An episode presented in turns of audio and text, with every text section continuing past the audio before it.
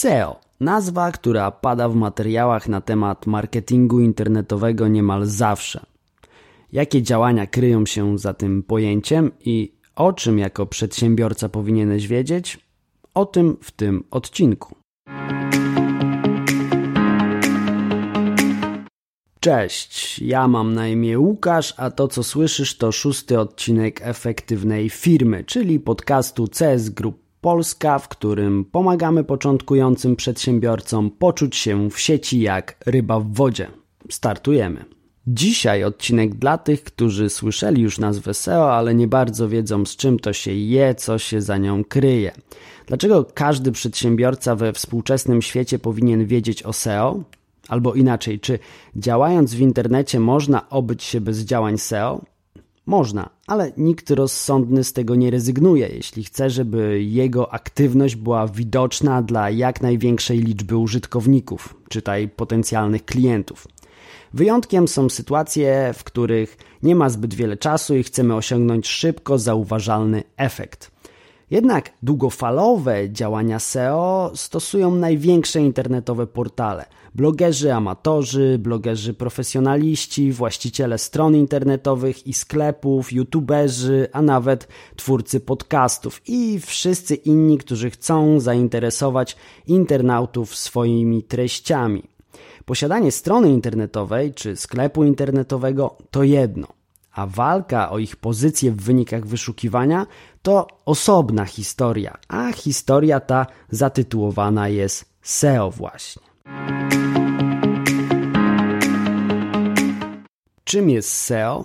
W definicji słownikowej SEO to optymalizacja stron internetowych pod wyszukiwarki, czyli szereg działań, które mają na celu zwiększenie widoczności danej strony w organicznych wynikach wyszukiwania.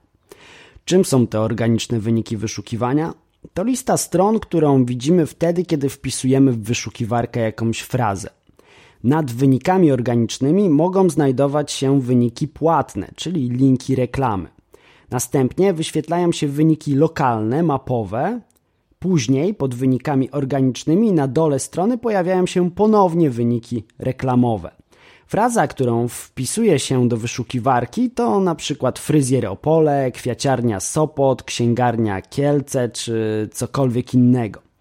Każdy fryzjer w Opolu, właścicielka kwiaciarni w Sopocie czy właściciel księgarni w Kielcach chce, żeby po wpisaniu podanych wyżej fraz odsyłacze do informacji o ich firmie wyświetlały się na samej górze. Im lepsza pozycja danej strony, tym większa szansa, że to właśnie na nią wejdą internauci, a co za tym idzie, większa szansa na pozyskanie nowych klientów. Celem działań SEO jest wywindowanie danej strony na szczyt wyników wyszukiwania. Teraz zapewne zastanawiasz się, na czym te działania polegają. Mam dwie informacje: dobrą i złą. Przykornie zacznę od złej. Walka o wysoką pozycję w wynikach wyszukiwania to długi i żmudny proces, który raczej liczy się w miesiącach niż w dniach. Dobra informacja jest taka, że dobrze poprowadzone działania SEO są trwałe i dają wymierne efekty na długo. To szczególnie ważne dziś, gdy liczba internautów stale rośnie, a do zakupów przez internet przekonują się kolejne osoby. Więc co robić, aby umacniać swoją pozycję? Dziś przedstawię kilka podstawowych działań i podpowiem, jak sprawdzić ich efekty. Zmiany trzeba zacząć od siebie. Ten zakres działań nazywa się on-site i dotyczy zmian na poziomie treści na stronie oraz aspektów technicznych. Po pierwsze, treści wspierające działania SEO powinny zawierać słowa kluczowe. Dlatego umieszczę je m.in. w artykułach i opisach produktów, przykład białe buty sportowe. Słowa kluczowe powinny być zróżnicowane, a więc należy wykorzystywać synonimy, wyrazy bliskoznaczne i różne kombinacje podobnych fraz. Na przykład białe adidasy, obuwie sportowe, białe buty męskie i tym podobne. Każda fraza generuje inne wyniki wyszukiwania. Trzeba brać pod uwagę, że internauci wpisują do wyszukiwarki różne zapytania. Ważne też, aby słowa kluczowe były umieszczane w treści w sposób naturalny dla użytkownika i umożliwiały przyjemny, właśnie naturalny odbiór. Po drugie, zadbaj o to, żeby treści na Twojej stronie internetowej były unikalne. Algorytmy wyszukiwarki Google niżej oceniają strony, które powielają treści, przez co strona nie może liczyć na przyzwoitą pozycję w organicznych wynikach wyszukiwania. Po trzecie, zadbaj o przejrzystość i uporządkowanie tekstów. Doceniają to algorytmy wyszukiwarek, ale na pewno też internauci z krwi i kości. Treści powinny zostać odpowiednio podzielone i zawierać nagłówki nazywane H1, H2, H3 i tak do H6. Są to tak zwane znaczniki HTML, które pomagają w określaniu struktury tekstu. Znacznik H1 to główny nagłówek tytuł, tytuł podstrony po prostu. Pozostałe zaś to nagłówki niższego rzędu podtytuły każdym z tytułów i podtytułów powinny znaleźć się słowa kluczowe. Najczęściej używa się tylko trzech podstawowych znaczników, czyli H1, H2 i H3. Natomiast zanim klient kliknie w link znajdujący się w wynikach wyszukiwania, zobaczy tytuł i opis Twojej strony w wyszukiwarce. To również dwa ważne elementy. Tytuł wyświetlający się w wynikach wyszukiwania nazywany meta title, to na jego podstawie wyszukiwarka określa tematykę Twojej strony. Jest on bardzo istotny nie tylko ze względów e, technicznych, ale także ze względów marketingowych, bo tytuł strony powinien zachęcać do odwiedzin danej strony. Nie muszę chyba dodawać, że powinien być unikalny i zawierać oczywiście słowa kluczowe. Meta description to krótki opis strony wyświetlany zaraz pod tytułem. Taki opis składa się z około 160 znaków. Jego treść ma być cenną informacją dla użytkownika, a ponadto zachętą do kliknięcia. Opis powinien więc być atrakcyjny i przyciągać uwagę internautów.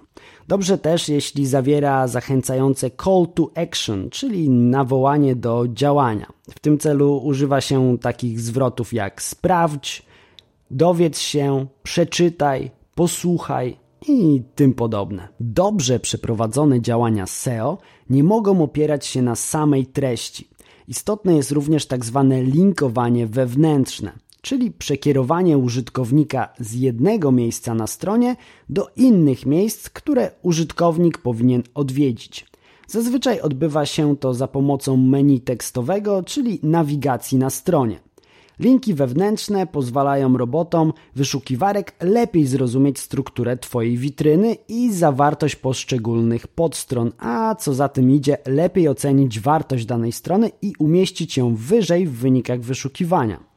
Ważne jest też, by wszystkie linki odpowiednio działały i prowadziły do stron, na których nie ma żadnych błędów ani pustej zawartości. Zarówno internauci, jak i roboty wyszukiwarek nie lubią stron zawierających popularny błąd 404, a więc taki, który informuje, że dana podstrona po prostu nie istnieje. Jeśli więc podstrona zostanie usunięta, konieczne jest y, ustawienie przekierowania na stronę działającą poprawnie.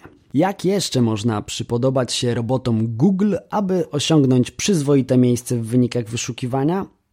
Poza treściami i linkowaniem ważna jest również szybkość ładowania strony, która wymieniana jest wśród najważniejszych czynników SEO. Myślę, że szybkość ładowania strony to temat na któryś z kolejnych odcinków, bo to temat dość szeroki, na który wpływają bardzo różne czynniki.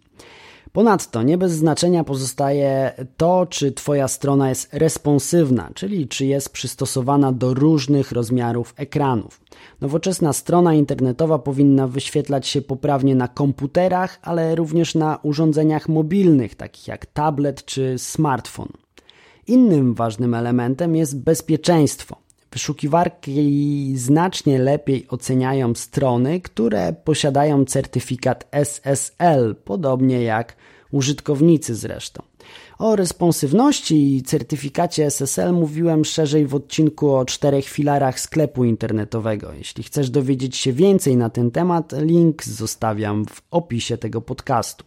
Na ocenę strony mają wpływ również działania offsite, czyli działania poza stroną internetową, na przykład zdobywanie linków zewnętrznych, czyli odnośników z innych serwisów. Mówiąc inaczej, jeśli na Twoją stronę prowadzą linki z wartościowych stron, wartość Twojej witryny również wzrasta.